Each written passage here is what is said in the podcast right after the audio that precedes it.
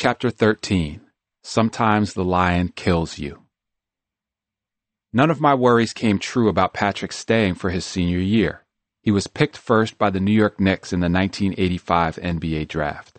Back then, there was no set salary for draft picks, and David Falk negotiated a contract for Patrick worth about $3 million a year over 10 years. That was triple what Olajuwon got the year before, the most ever for a rookie, and the highest salary in the NBA. Best of all, Patrick graduated with a degree in fine art. We made his mother proud. Even without Patrick, we were still among the top ranked teams in the nation in 1985 86. Reggie Williams was a junior and took over as our go to scorer. Our seniors were David Wingate, Michael Jackson, Ralph Dalton, and Horace Broadnax. The sophomores were Perry McDonald, the former Golden Gloves boxer from New Orleans, and Ronnie Highsmith, another kid from off the beaten track I found on a military base in Virginia. My New Orleans connection was going strong, and I had two freshmen from there Jonathan Edwards, whose career was held back by an injury, and Jaren Jackson. Jaren really made himself into something, more than any of my other players. He was a six foot four guard who barely played his first two seasons, became a starter as a senior, then didn't get drafted. He played in the minor leagues and overseas before getting a shot in the NBA, where he had a great career, including a championship with the San Antonio Spurs in 1999. Jaren never asked me or Falk for help getting into the NBA. He did it all himself. I have a lot of respect for what Jaren did. My final freshman that year was an afterthought named Charles Smith. He played for All Saints High School in Washington, which was the new name for St. Anthony's, my old school. Charles was coached by my first Georgetown recruit, Aaron Long, who told me Charles was better than people thought he was. Seton Hall had backed out of a scholarship offer and nobody else wanted him. I went to watch Charles play and saw a kid just six feet tall and maybe 160 pounds after Thanksgiving dinner. I thought he was way too small for the Big East.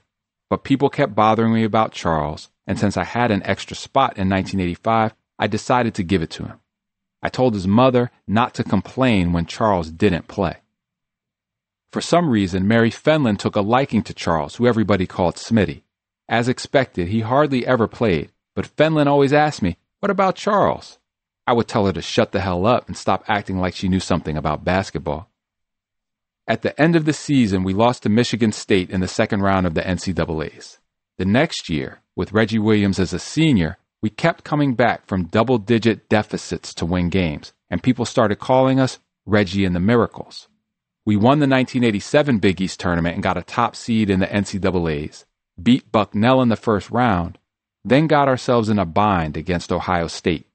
We were losing by 15 points in the second half when one of my starting guards, Dwayne Bryant, picked up his fourth foul. I had nobody left to replace him, so I threw Charles in as a last resort. Smitty went completely off, scoring from everywhere on the court, hitting shots he had no business taking, let alone making.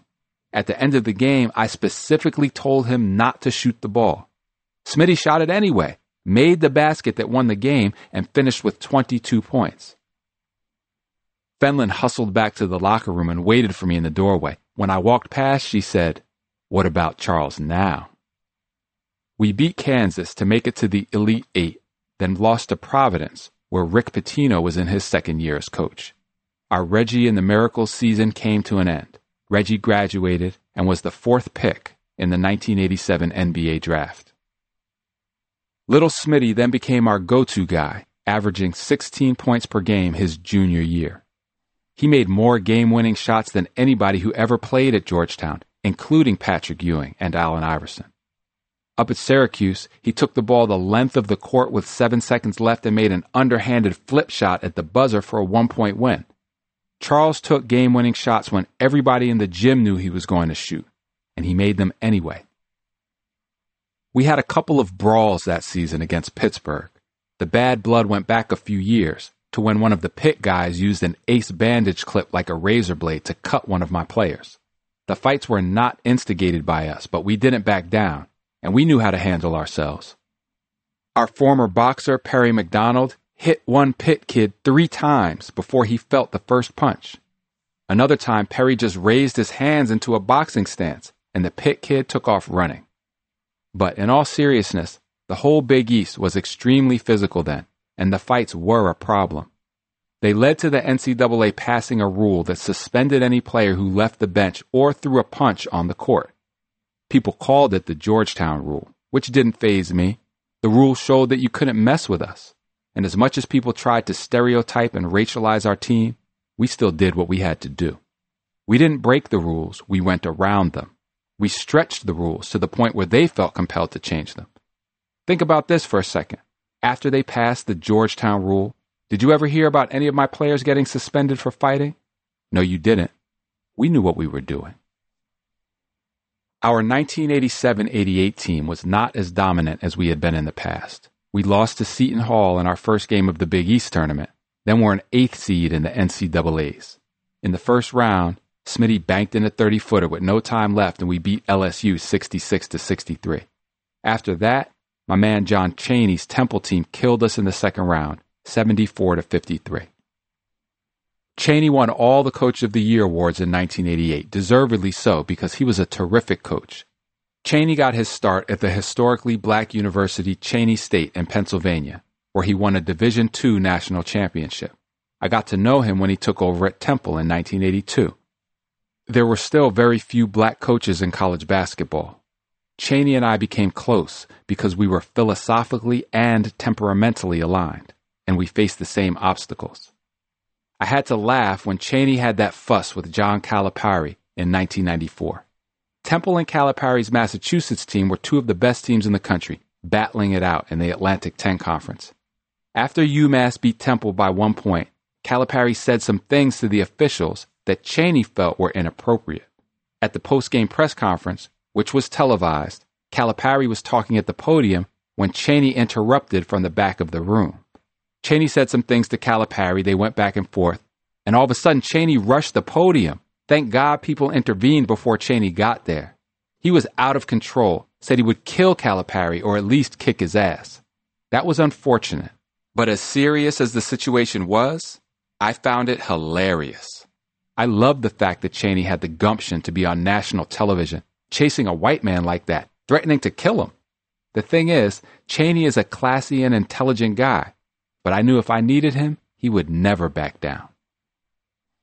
Sometime later, we were at an event, and when they took me to my seat, I saw Chaney there. I said, Hell no, I'm not sitting next to him. Everybody looked at me all worried. I smiled and said, Anytime a black man would chase a white man on national TV and promise to kill him, I don't know what he's going to do to me. I never let Chaney forget what he did to Calipari, but he knew how much respect I had for him, on and off the court.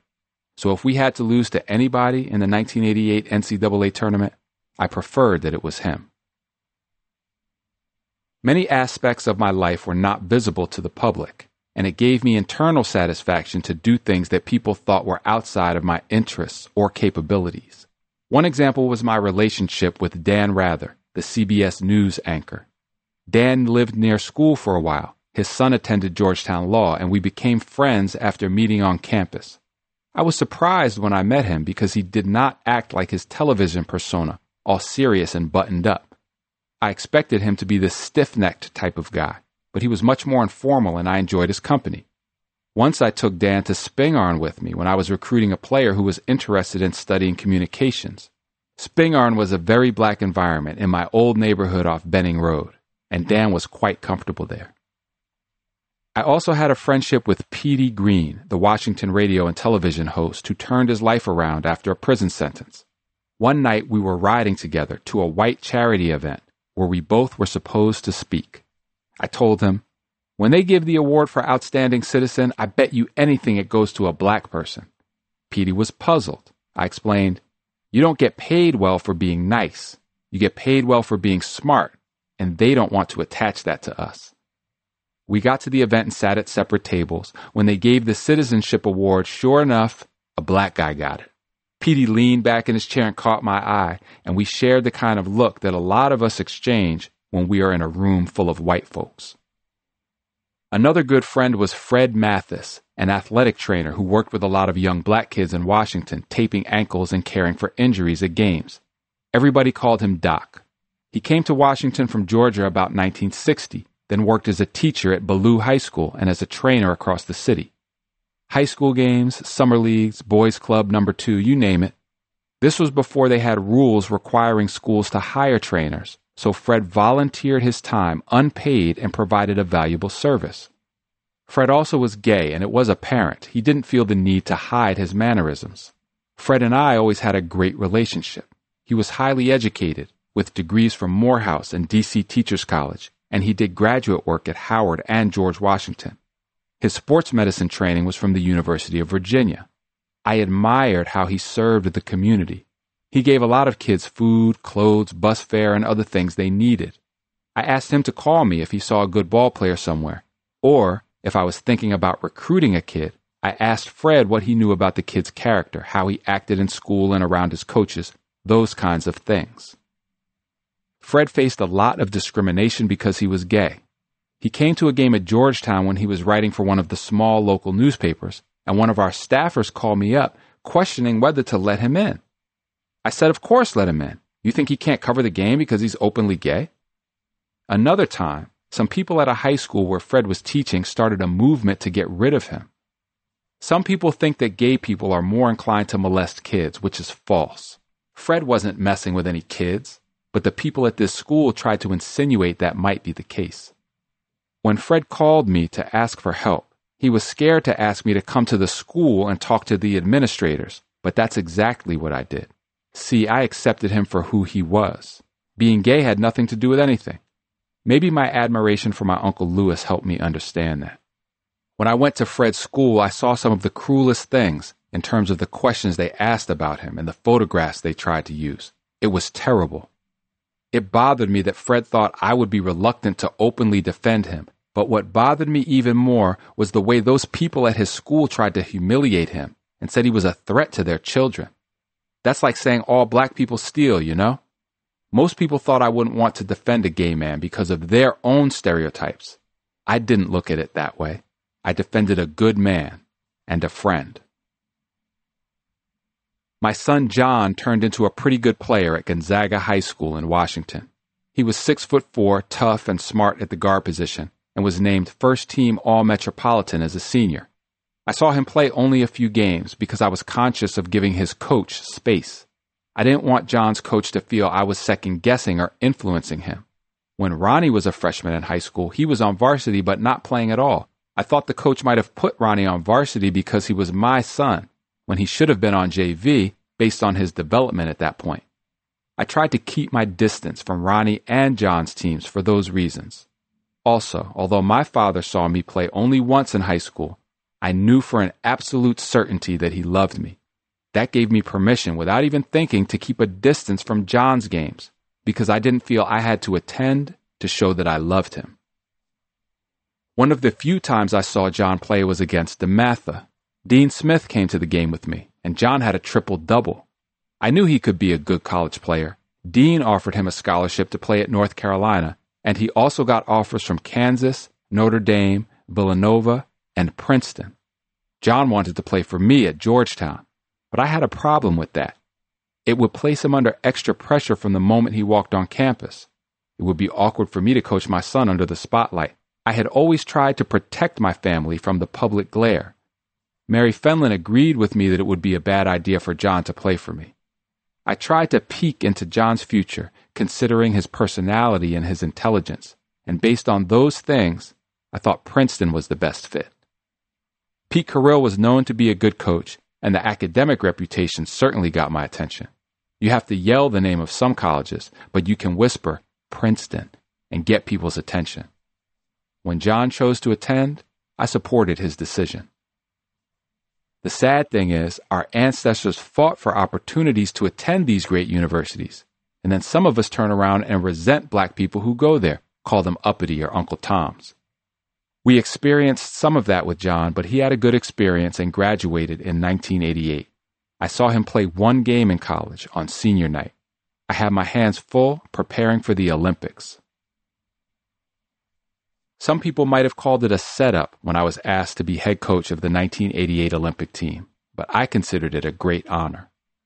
I knew up front the rest of the basketball world was catching up to the United States. Dean Smith and Dave Gavitt, who were on the selection committee, told me this would be our last Olympics with college players. Other countries already used professionals and kept them together on their national teams year after year.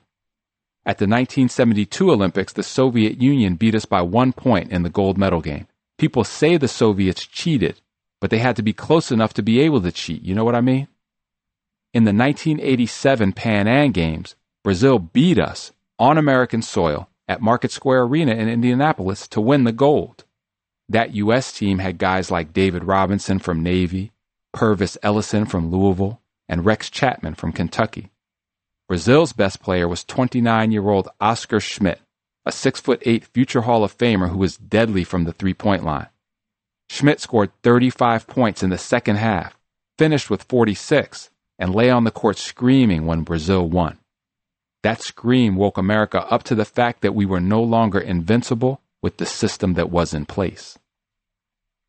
There's a thing black folks say among ourselves. When things can't get any worse, that's when they give us a chance.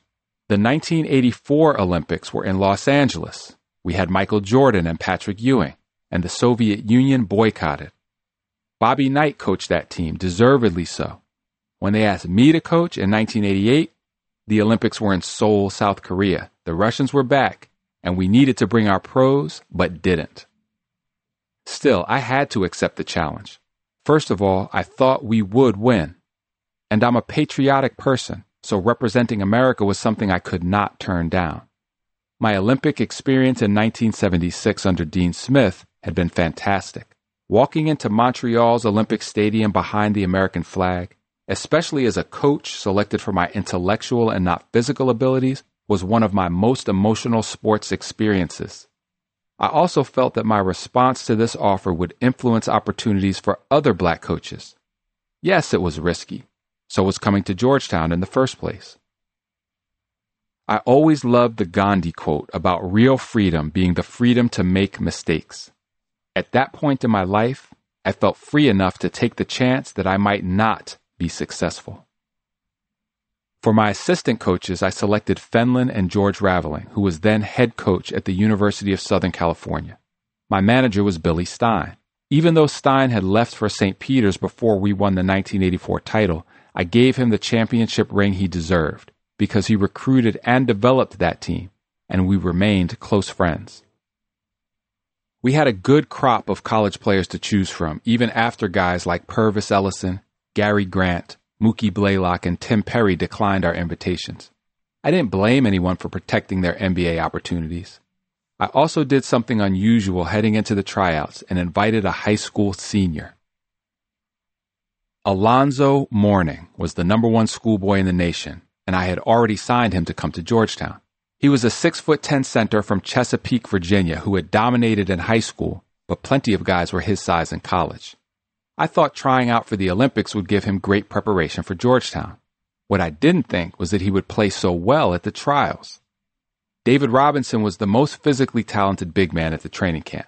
Robinson had graduated from the Naval Academy in 1987 and was the first pick in the NBA draft, but he had not yet gone to the league because he was doing his two years on a submarine or wherever the Navy put him. Alonzo went toe to toe with David and got the better of pretty much everybody else. We played exhibitions against NBA teams and did a quick tour through Europe, and Alonzo played extremely well. When it was time to make the final cuts, everyone involved in the selection process said Alonzo should make the team. I was the only person who disagreed, and unfortunately for Alonzo, I was in charge. My reasoning was that the Olympics were held in September that year, and if Alonzo played, he would miss the first month of school. That would have put him at a tremendous disadvantage academically. Alonzo was extremely intelligent and ended up doing well, but at that time, he was coming out of a foster home and a weak high school academic environment. His letter of intent was signed by his foster mother, Mrs. Threet. He was about to be tossed into the deep end of the pool, academically speaking. I could not risk having him drown just to satisfy my competitive desire to win a gold medal. Alonzo was the last cut, and he felt crushed by the decision though he understood later it was the right thing to do. I wanted the first tryouts to be in Las Vegas. I had a lot of friends in Vegas. I liked to relax in the casinos, and the logistics of bringing in more than 80 players was simpler there. Plus, the location would encourage more players to try out. USA Basketball wanted tryouts at its headquarters in Colorado Springs, which was inconvenient and a place nobody wanted to go. The organization had a holier than thou attitude about Vegas being Sin City and exposing so called amateur athletes to gambling. It amuses me now because every summer the entire basketball world goes to Vegas, from youth tournaments up to the NBA Summer League and USA Basketball itself. You can bet on college games from your phone. They now have a sports book in the arena where Georgetown plays its home games. But they put the trials in Colorado Springs, where I closed practices to the media like I had done the past 16 years. Some reporters got predictably riled up. A few news organizations threatened to take me to court, which was hilarious. One of the protesters was the columnist Jim Murray from the Los Angeles Times. Murray didn't know I was a huge fan of his. I looked for his newspaper just to read what he had to say, especially about baseball. Murray was among those harassing me about closed practices. I thought to myself, if you had just asked me for an interview, I would have sat down with you for hours. I would have considered it an honor. Our roster selections were criticized, of course. This was nothing new. Our big names were Robinson, a future Hall of Famer, and Danny Manning, who had just led Kansas to the national championship and was the top pick in the 1988 NBA draft. After them came Pittsburgh power forward Charles Smith, drafted third in 1988, scoring guard Mitch Richmond, drafted fifth, future Hall of Famer, shooter Hersey Hawkins, drafted sixth and the leading scorer in college basketball at 36 points per game, forward Willie Anderson, drafted 10th, and the big guards Jeff Grayer and Dan Majerle, drafted 13th and 14th, respectively. The rest of the team were the 6'9 J.R. Reid, the versatile wing Stacy Augmon, the point guard Bimbo Coles, and last but absolutely not least, my man Smitty. People could accuse me of favoritism all they wanted, but Charles earned his stripes with me. I trusted him in the heat of battle. We had outstanding three point shooters in Hawkins, Richmond, and Majerle. Manning was the best all around player in college basketball. David Robinson was David Robinson. There were good reasons we didn't pick some guys with big names, and I think their pro careers validated our decisions. Also, once you chose the stars of the team, the other guys needed to fill complementary roles. I was coaching human beings, not chalk. Our team had seven of the top 14 picks in the 1988 NBA draft, plus Robinson. The other four players had to fit in with them, and be able to play the pressing, fast paced style that I planned to use. What bothered me more than griping about our roster was the fact that Arvydas Sabonis, the 7'3 Soviet center, spent the months leading up to the Olympics working out with the Portland Trailblazers. I knew that Portland had drafted Sabonis, but the guy didn't come play in the NBA for another eight years. Also, several NBA teams played exhibitions against the Soviets ahead of the Olympics. Like Lenin said, we sold the Russians the rope they used to hang us. When our game started, we got an early scare from Canada in the second round and beat them by six. Our next opponent was Brazil. I showed our team a tape of that Pan Am loss. Oscar Schmidt scored 31 on us, but we beat them 102 to 87. In the next game, a blowout of China, Hawkins hurt his knee. He volunteered to play through it, but I didn't want to ruin his NBA future so I shut him down for the rest of the Olympics. We won the next two games easily to advance to the semifinals against the Soviet Union. The Soviets had lost the game to Yugoslavia, but were formidable with Sabonis in the middle and the professional guards Sharunas Marciulionis, who brought the Eurostep to America during his eight year NBA career, and a dead-eye shooter named Rimas Kurtinaitis. The Soviets beat us 82 to 76. Manning picked up two fouls in the first two minutes and did not score the whole game. We missed Hawkins shooting. Kurtinaitis hit a bunch of threes. Sabonis was one of the best centers in the world at that point and had 13 points and 13 rebounds. Unlike my NCAA championship losses, where my teams played great, we were not at our best that game. It happens. Sometimes you have an off night. In the locker room afterward, I didn't blame them for losing and I told them we had nothing to be ashamed of. The Soviets beat Yugoslavia to win the gold medal, finishing the tournament 7 and 1. We finished 7 and 1 too, after we beat Australia for the bronze. I lost the wrong game. I don't wish for one second that I had turned down the Olympic job. That's like wishing we hadn't come out on the floor to play Villanova. I earned the right to coach those games, and whatever comes with that, I have to accept. As great as Muhammad Ali and Joe Louis were, they lost fights, but first they had the courage to get in the ring. Sometimes you kill the lion, and sometimes the lion kills you. Either way, you hunt. Chapter 14 Rayful The Olympics were just the beginning of the most challenging 12 months of my career. I returned to Georgetown in October, well after school had started, which was a bit disconcerting. I expected us to have an outstanding team that season. I already knew what Alonzo Mourning could do based on the Olympic trials. Smitty and Jaren Jackson were seniors, and my son Ronnie was a freshman on that team. Ronnie was a different type of kid than John, with more of my characteristics in him. I needed to keep Ronnie under my thumb, actually more like under my fist, so it worked out for him to play at Georgetown. We also had a new kid from Central Africa by the name of Dikembe Mutombo. I first heard about Dikembe in early 1987 when a guy named Herman Henning showed up at the basketball office and said there was a player in the Congo we needed to check out. Henning was not a coach or scout. He said he worked for the U.S. Agency for International Development, but I always thought he was CIA. This African kid can really play, Henning said. How tall is he? I asked. That was always my first question. Dikembe is seven feet tall, Henning said. I walked him to the balcony overlooking the practice court and pointed to our seven foot center, Ben Gillery. Is your kid as tall as Ben? I asked. He's taller. At that point, it seemed wise to take down Henning's information, and he sent us a videotape of Dikembe. The boy had a rag tied around his head, was playing on what looked like grass, and was blocking all kinds of shots. I was intrigued by his combination of size, agility, and athleticism, although part of me wondered if he was really as tall as they said he was. Eventually, I decided to put him on my team and sit him out for a year as an adjustment period, when I could also evaluate his ability. If it worked out, great. If not, Henning could ship him back on one of his CIA planes. I sent Mike Riley, Craig Esherick, and Michael Jackson to pick up Dikembe at the airport.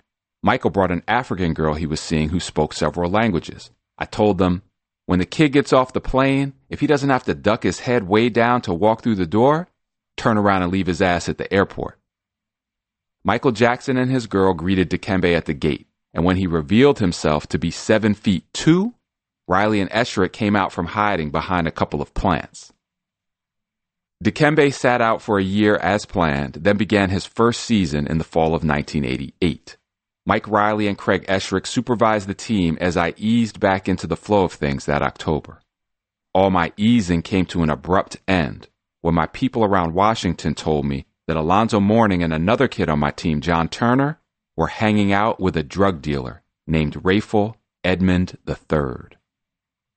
I knew that Rayful was the biggest dealer in Washington at that time, and I was extremely concerned. First of all, Alonzo and Turner's futures as young men were at risk, let alone as basketball players. Len Bias had died of a cocaine overdose just two years earlier, right after the Celtics drafted him out of Maryland. Lefty Driesell lost his job over that. If Alonzo and Turner weren't using cocaine, were they selling it? Even if neither was true, just associating with a drug dealer could ruin their lives. There also was a great danger that Georgetown could have its name dragged through the mud. I had a responsibility to protect the school. The press was already painting us as bad guys, and I knew some reporters would love to put us in a story with a real criminal. I had no idea about the extent of Alonzo and Turner's involvement, so the first thing I had to do was question them about what was going on. Here's the philosophy of how I approached it. I had a friend from Baltimore we called Pity Pat. My man Pity Pat told me that one day he was walking down the street in a dangerous neighborhood and saw four rough guys coming his way. Pat got scared as hell. We get mad when white people are scared of us on the street, but we can get scared too. Pat told me he knew he was about to get jumped, so he started yelling, acting crazy, and cursing into the air. Those four thugs crossed to the other side of the street and left him alone. Pity Pat told me, when you mess with a crazy man, you got to be more crazy than him. I always kept that in mind with my players. I wanted them to think I was capable of anything. I brought our athletic director, Frank Rienzo, up to speed on the situation. I asked Frank to bust through the gym door during practice, storm over to Alonzo and Turner, and tell them to get upstairs to my office right away. Frank was a low key guy, so when he came in angry, Alonzo was petrified. Turner was older. He had come to us from community college, and he reacted more nonchalantly. I thought scaring Alonzo would make him tell me the truth about what was going on. The Alonzo Mourning, now known to the public, is a big, tough, sophisticated man. But when he arrived here, he was an 18 year old country bumpkin. We took Zo and Turner upstairs, and I went completely off. More than a few profanities were used. The nice version of what I said was that they had exercised exceedingly poor judgment and were in immediate danger of losing their scholarships. Alonzo and I like to laugh about it now, but that day in my office, Frank and I worked him over so thoroughly, he was almost in tears. I figured out that while I had been away at the Olympics, Alonzo and Turner got tight. Turner, who everybody on the team called JT, was from suburban Maryland but had an uncle who lived in the city up the block from Rayful. Turner and Rayful had become friends at an early age. By the time Turner got to Georgetown, he was enamored of the street image of the drug dealer lifestyle and liked to hang around with those guys. Now he was bringing Alonzo with him. Rayful was crazy about basketball. He had gone to Dunbar, my mother's school, and was a good playground player. He kept a crew of talented local stars around him, and they played together all over the city. Alonzo and Turner told me they played ball with Rayful and his friends, hung out with them at their homes and in different nightclubs, and went out to eat sometimes. They didn't mention it, but obviously they enjoyed that Rayful always picked up the check and sprinkled his money around in different ways. They insisted that they never saw or even talked about any drugs and that they weren't involved in anything illegal. I didn't find out until much later that Alonzo had played on Rayful's teams against other squads run by drug dealers, and there was big money bet on those games. Alonzo was a naive teenager who got caught up in the celebrity of being a Georgetown player in the big city. Turner probably knew more about what was going on. I liked JT. He was a nice kid to be around and a very good player. But he had spent enough time around the neighborhood to know who and what Rayful was. I told Alonzo and Turner to stay away from Rayful and repeated the message to the entire team. There was one popular nightclub, Chapter 3, which I declared completely off limits everybody promised to do the right thing. But that only addressed half of the problem. I had to talk to Rayful. Over the years, people made a big deal out of my decision to meet with a person like him. A judge once asked me, Are you the coach you met with Rayful Edmond? You had more nerve than Jesse James. Well, Rayful was not the first person I'd encountered who had difficulty with the law. I delivered the Washington Daily News to numbers houses when I lived on W Street. The first sports uniform I ever wore was bought by a numbers runner. I played one on one against my drug dealer friend Big Roy. I did my master's degree practicum at the city jail, where one of my kids was later identified as a contract killer. I have a friend right now with the key to my house who spent years locked up. One of my best friends in Vegas worked for Meyer Lansky. Rayful's type was not alien to me. Of course we should talk. I'm not saying I didn't recognize the danger, but I was not as terrified about it as some other people were. When I was a boy, if my mother heard about some trouble I got into in the street, she would take off her apron and come outside to see what was going on. That's all I did with Rayful. He wasn't too hard to find. We knew someone in common. Clarence Bootney Green had played basketball at Spingarn, grew up in Boys Club number 2, was Division II Player of the Year at Cheyney State, and was a young basketball legend in the city. A lot of the Washington kids on my team admired Bootney. He was not involved with drugs, but he played on the team that Rayful took with him around the city. Rayful would leave his drug crew, go pick up Bootney and a couple of other guys, and play basketball all day. From what I've been told, Rayful was a solid player with an accurate jump shot, and he liked to shoot the ball a lot. I questioned various people and figured out that after Bootney and Rayful finished playing ball with Alonzo and JT, they usually drove them back to campus. Sometimes Bootney and Rayful hung out in the dorms where all the players lived, buying them pizzas and whatnot. For a broke college student, pizza with all the toppings is like steak and lobster. Hanging with Rayful also gave them status, and Rayful got status from associating with my team. That coin had two sides. I put the word out that I wanted to talk to Bootney. When I got him on the phone, I said I needed him to bring Rayful by my office at McDonough. Bootney said he'd ask, then call me back and said Rayful would come at a certain time.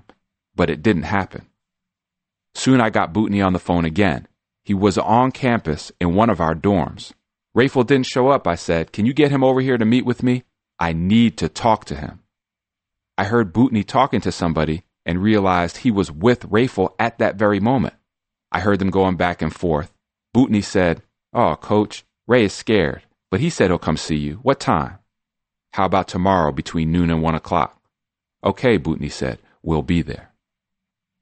Now, why would a guy like Rayful Edmond be scared to talk to me? Clearly, it was not based on any physical threat that I posed to him. Violence is not part of my profession. He also was not afraid I would run to the police. I didn't have anything to run to the police about. Yet here I was being perceived as fearsome again. People said it showed my power in the city that Rayful came when called, but it wasn't about power. Rayful respected me based on what I represented to black people in the city of Washington. What scared Rayful was the idea that he was causing me a problem. He had a conscience. His thought process was similar to that of a young man who got in trouble with his father. The next day, as I was watching my team play pickup in McDonough, the door opened and Rayful walked into the gym. He had three guys with him Bootney, Melvin Middleton, a good basketball player and Bootney's teammate at Spingarn, and another young man who ran the streets with Rayful. My players were shocked. You never saw so many air balls in your life. They already knew I had caught up with their Rayful activities, but his arrival sent a message that I was now one step ahead of them. Oh, y'all thought it was fun and games when Rayful was in your dorm? Let's see how you like it when I bring him to the gym. One of our coaches took the visitors upstairs and walked Rayful through the unmarked door into the basketball suite. As he went through the door, Rayful looked back at his guys. I walked him into a private room and shut the door behind us. He and I were going to talk alone. It was a stressful moment. I didn't know Rayful and he didn't know me. A lot could go wrong. My program was in extreme danger, and if I could not solve the problem, everything could crumble. The school's reputation could be harmed. It's a lot easier to talk about the experience now than it was to live it. Rayful was about 23 years old, six feet tall, with a solid build. He was handsome and dressed neatly with a nice polo shirt. He wasn't wearing a hat, long hair, jewelry, or anything flamboyant which was somewhat surprising to me. Looking at him, you would never think he was a drug kingpin. He did not look like any type of thug. He wasn't running around with a nickname like Fast Shot Willie. Right from the beginning, he had a humble approach, which also surprised me. Everything about him was respectful, from his appearance to his demeanor. His overall presentation made me think that he thought I had the upper hand. I recognized his intelligence right away. He behaved like his mind gave him credibility, not acting tough or violent or speaking a whole bunch of street language. I determined that it would be advantageous to let him know that I recognized his intelligence. I treated him respectfully, and as a result, he gave me the same respect, and he answered my questions in what proved to be a truthful manner. My primary concern was to find out what exactly Alonzo and JT were doing. I needed to do this without talking directly about drugs. Rayful had not been convicted of anything. He wasn't sneaking around like a fugitive. He walked into my office in broad daylight. I didn't want him to think I was setting him up or secretly taping him. I also didn't want to be told anything that might incriminate him later because I was cognizant of the fact that he eventually would be caught. I tried not to ask him questions that would put him in a position of confessing anything. He was too smart to do that anyway. Our conversation was a bit like pig Latin.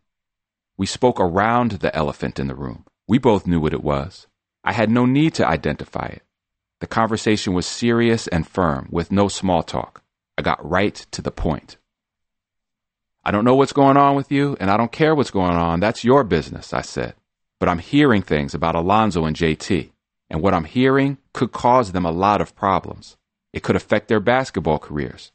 I don't need anything going on with my players. The school doesn't need it. The players don't need it. I don't get involved with anybody's business. But if there's anything going on, I need you to let me know right now. Rayful said, Nothing's happening, Coach Thompson. People are making up a lot of stuff. All we do is play ball, go get something to eat, maybe hang out a little bit. We went back and forth in this manner as I tried to gather as much information as possible. I was the authority figure and led the conversation, but I knew I had very little leverage. I couldn't control him. If what I had heard about him was true, Rayful had all the money in the world. If he wanted to cause problems for me, that would have been easy. He could simply keep showing up on campus or keep taking my players to restaurants and nightclubs. He could arrange for something to be left in their dorm room. If he got arrested, he could say they were involved. All these possibilities ran through my mind. But I quickly recognized that Rayful wasn't hostile toward me or my team. This young man loved basketball. We both had an allegiance to Boys Club number two and relationships with people there. He respected what I represented in the game he played every day. He might have been running an operation that made millions, but Rayful was also a Georgetown basketball fan. I had a level of respect for Rayful too. I didn't respect or condone selling drugs, and I was probably a bit naive about the extent of his activities when we first met. I knew he ran the city, but I didn't realize his operation extended up and down the whole East Coast. Still, I didn't look down on him as a human being. I didn't want to judge him, and I still don't. As a black kid growing up in his neighborhood, his opportunities were limited, which inevitably affected the choices he made. Dr. Anita Hughes taught me to understand the problems of other people. There, but for the grace of God, go I. Rayful told me how good a player he was and how he would have liked to play college basketball. I suggested that it wasn't too late for him to go to college because he clearly had the intelligence to succeed academically. He said that was something he wanted to do. We talked about that for a while, then I brought the conversation back to the matter at hand. So, what can we do here? I asked. Because I really don't need this kind of stuff in my life. My players' careers could be ruined. The school could be hurt. Can you control this situation? We both know the type of things that should not be happening. Can you make sure they don't happen? Oh, yeah, that's no problem, Rayful said. You don't have anything to worry about. Not with Alonzo. Wait a minute. He only said Alonzo. What about JT? I asked. Rayful tried to be tactful about it. JT isn't doing anything, Coach Thompson, but he enjoys being around guys who might be, you know, who might be doing something. He's attracted to the lifestyle. I tell him to stay away from all that, but you know how he is. Rayful shared a detail I found particularly significant. You remember the huge cell phones back in the 1980s that were the size of a quart of milk against your ear? Rayful said JT carried one of those around but the service was not activated. He just wanted people to see him with it. I was sympathetic to why a kid like Turner would feel that way. America worships people with money. Young black kids had so few examples of wealth in their communities, they naturally gravitated toward drug dealers. Even if they didn't, drugs were so embedded in the culture of the city at that time, it was hard to play basketball and not be associated with someone from that world. That said, JT had to make better decisions. He had to leave the streets alone. I'm not asking you to tell me anything, I told Rayful. I'm just asking you to handle it. You know what I mean? Because you know some folks want to see us go down in this situation. Exactly what the situation was, we never said. I got you, Coach Thompson. You don't have to worry about anything with Alonzo. But JT, I don't know. Throughout the whole conversation, Rayful was as polite and cooperative as could be. I was polite too. It would have been stupid to make Rayful angry. Over the years, many people have said what they thought happened in that room. Everybody says it went this way or that way, but there were only two people in there, Rayful and me. A myth has grown about me threatening Rayful and ordering him to stay away from my players. Some people like to say I stood over him and pointed my finger in his face. That's nonsense. Why would I threaten someone who could bring down my whole program? That myth is based on the perception of me as intimidating and a bully. Like when I argued with the refs, I supposedly scared them. When I met with Rayful, the thinking goes, I had to threaten him. I've always been offended when some people assume our interaction had a physical component. They don't want to give me credit for the fact that Rayful respected me. My conversation with Rayful was less than what everybody said, and also more. It wasn't like meeting some outlaw in the woods. I thought of Rayful as my neighbor's child who was exposing my kids to some trouble. I wanted to protect my players, my university, and myself. The conversation was between two black men from Washington who both loved basketball, respected each other as human beings, and had enough intelligence to work out a solution to our problem. I was never afraid for my own safety. Someone compared it to summoning Al Capone, but that was based on people transferring their fear of Rayful onto me. They thought violence was the only way Rayful had relationships with people. We finished talking, walked out of the office, and said goodbye. Rayful went downstairs past the practice court and left with Bootney Melvin and his friend. Bootney and Melvin later got jobs working at Georgetown. I wonder how that happened. According to Bootney, Rayful smiled the whole drive home. When Bootney kept asking what we talked about, all Rayful said was, Man, Coach Thompson is cool as hell. A few days after the meeting, my phone started ringing off the hook. It seemed like every branch of the police wanted to know what we talked about. Rayful was under heavy investigation by local and federal authorities with surveillance and phone taps, and they wanted something from me they could use to arrest him. On the one hand, it was good they didn't know what we discussed, because that meant Alonzo and Turner weren't on their radar. But when they started telling me the quantities of cocaine that Rayful was allegedly distributing and about the geographic reach of his operation, I started to understand more the magnitude of who this young man was. One cop told me they had information implicating Rayful's organization in 30 murders. That was news to me. I became even more concerned, especially for someone as naive as Alonzo. After a while, I got frustrated with all their calls. I told one agent, look, he didn't sneak in here in the middle of the night. He walked into my office like a normal person. If you have something on this guy, arrest him. If not, I can't help you. I'm not trying to lock him up. I'm trying to protect my kids. I tried to shift my focus to basketball because our first game of the season was approaching. We were ranked second in the preseason AP poll, and we cruised through the early part of our schedule as usual. As the season progressed, Charles Smith was clutch, as expected. Alonzo played extremely well and ended up leading the nation in block shots. Jaren Jackson started every game. Turner was solid, averaging seven points and six rebounds per game. But the big surprise was Dikembe Mutombo. Even though Dikembe played just 11 minutes per game, he had a major impact with his defensive ability, like when he blocked 12 shots against St. John's, which at the time was some sort of record. I brought in Bill Russell that year to tutor Dikembe and Alonzo, and Russ talked to them as much about the mental approach to the game as how to block shots to their teammates instead of out of bounds. I did struggle to figure out how to play Dikembe and Alonzo together, not only offensively but defensively. If you have two seven footers on the floor, who guards the perimeter? It's not like today where everybody plays like a guard no matter their height. Alonzo got the bulk of the minutes, but Dikembe never complained. He was a great kid to have around to the point where I could never really get mad at him, even when I was trying to play my role of angry coach. Dikembe would say something in that African accent of his, and I would bust out laughing.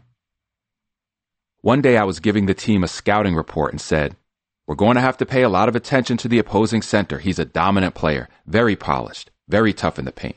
Let's watch the footage. I hit the button on the tape player, and it was Dikembe back in Africa blocking shots on the grass. Everybody had a great laugh including Dikembe. But a serious threat still hovered over our program. I got a call from Andrew Johnson, the brother of my buddy Ollie Johnson, who got cut from the Celtics. Andrew grew up with me on Benning Road and now worked for the Drug Enforcement Administration. He wanted to talk about Rayful. Drew told me that he and his fellow agents were under pressure to arrest him because of all the murders connected to the drug trade. Washington's homicide rate had almost doubled, and the national crack epidemic was front page news. The new president, George H.W. Bush, had waved a bag of crack on live television during his first Oval Office speech.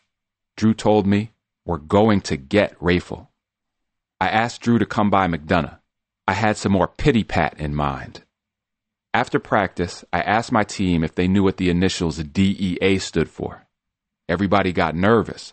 I told Alonzo and Turner that DEA was in my office waiting for them. When they got upstairs, Drew was sitting there with his badge. He grilled them about Rayful and said how dangerous he was. Turner played it cool, but Alonzo was terrified. I repeated my instructions to stop all contact with Rayful and his people. If you see them in public, I said, say hello, but don't let your feet stop moving. Alonzo did the right thing. John Turner made a different decision.